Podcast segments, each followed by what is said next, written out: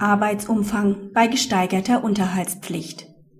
Der gegenüber einem minderjährigen unterhaltsverpflichtete, Teilzeitbeschäftigte Elternteil ist verpflichtet, eine weitere Beschäftigung zu suchen.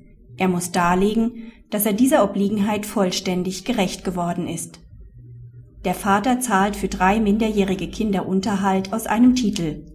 Er ist neuerdings ganztags beschäftigt. Vorher übte er zum Teil eine Halbtagsbeschäftigung aus und war zeitweise arbeitslos. Der Vater begehrt nunmehr die Abänderung des Unterhaltstitels. Der Prozesskostenhilfeantrag wird vom Amtsgericht abgelehnt. Er legt dagegen Beschwerde ein. Das Oberlandesgericht gewährt dem Vater Prozesskostenhilfe für die Zeit seiner Ganztagsbeschäftigung.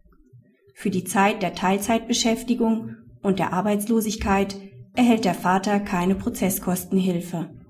Reichen die Einkünfte des Vaters nicht aus, so trifft ihn unterhaltsrechtlich die Obliegenheit, seine Arbeitsfähigkeit in bestmöglicher Weise einzusetzen und eine Erwerbstätigkeit auszuüben.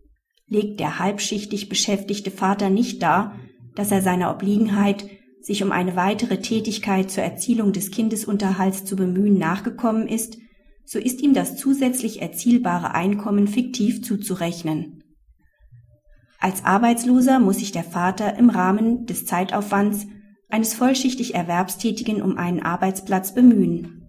Dieser Darlegungspflicht ist er jedoch nicht nachgekommen.